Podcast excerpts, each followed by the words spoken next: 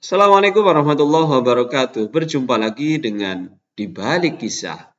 Setiap kisah ada hikmah. Pada masa lalu ada seorang muslim yang mempunyai seorang anak lelaki bernama Mahmud. Anak lelakinya tumbuh menjadi seorang yang lalai menunjukkan kewajib, menunaikan kewajiban-kewajibannya. Meskipun telah banyak ajakan, nasihat, dan perintah bapaknya agar Mahmud mengerjakan sholat puasa, dan amal soleh lainnya. Mahmud tetap meninggalkannya.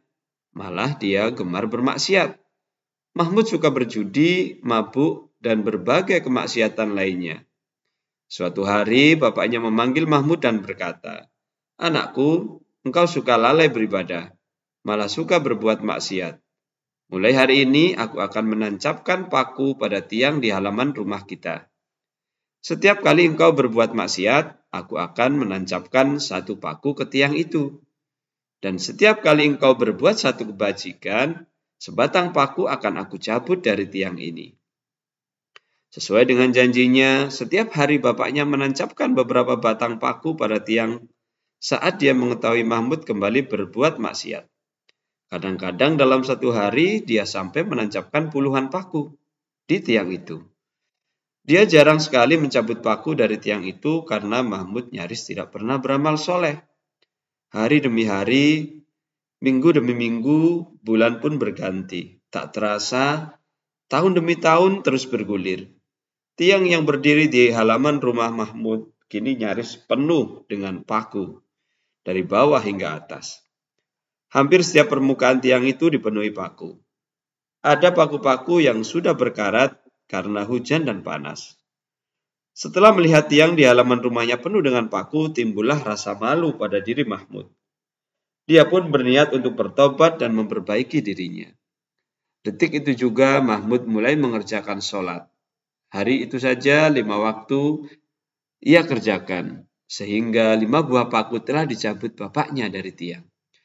Besoknya Muhammad, besoknya Mahmud sholat lagi, ditambah sholat sunnah.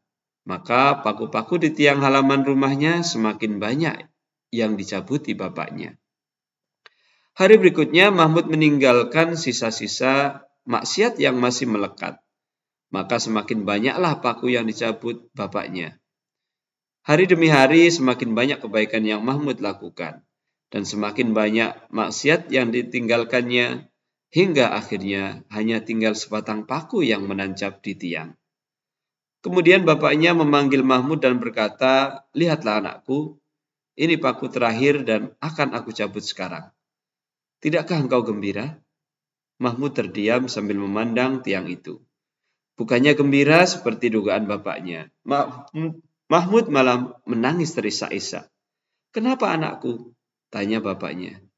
Aku menyangka tentu engkau akan gembira karena semua paku telah aku cabut. Dalam tangisnya Mahmud berkata, Wahai bapakku, sungguh benar kata-katamu, paku-paku itu telah tiada. Tapi aku bersedih karena parut-parut lubang dari paku itu tetap membekas di tiang bersama karatnya.